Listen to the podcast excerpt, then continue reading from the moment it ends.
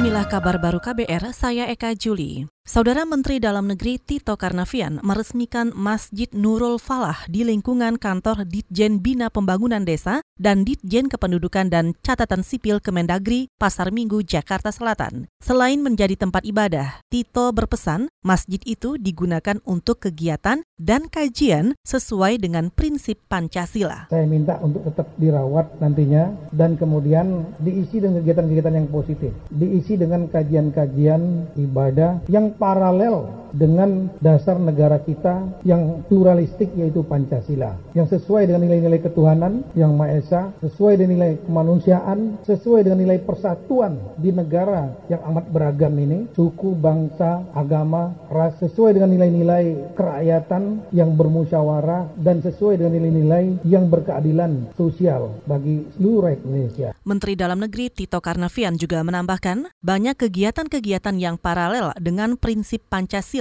Kegiatan itu diharapkan membentuk karakter aparatur sipil negara atau ASN yang berdasarkan Pancasila untuk pelaksanaan tugas yang lebih baik lagi di lingkungan Dukcapil maupun Pemdes Kemendagri.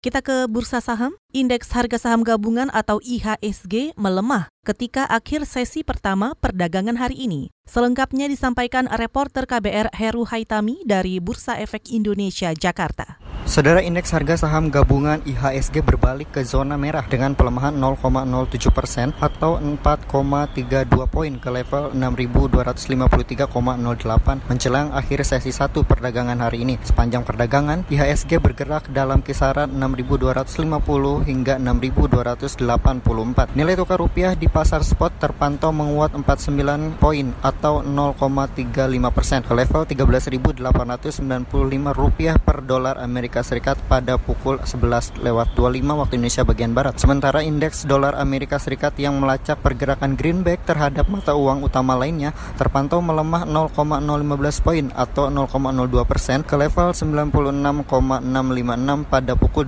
11 lewat 22 waktu Indonesia bagian Barat. Bersamaan dengan rupiah, sejumlah mata uang di Asia ikut lanjut menguat terhadap dolar Amerika Serikat pada hari ini. Di antaranya won Korea Selatan dan peso Filipina masing-masing terapresiasi 0,57 persen dan 0,25 persen. Demikian dari Bursa Efek Indonesia, Heru Hetami melaporkan untuk KBR. Kita ke informasi lain. Ratusan ribu aparatur sipil negara atau ASN diperkirakan akan pindah pasca ditetapkannya Kalimantan Timur sebagai ibu kota negara baru. Kepala Dinas Kependudukan dan Catatan Sipil Balikpapan, Hasbullah Helmi menyebut Pemkot Balikpapan tidak akan mempersulit mereka yang akan pindah ke kota itu. Ia menyebut ASN maupun warga yang ingin menjadi warga Balikpapan cukup membawa surat keterangan pindah dari daerah asal. Akan banyak pegawai-pegawai pemerintah yang pindah dan unsur-unsur pendukungnya. Prediksinya yang awal kan 800 ribu pegawai akan pindah.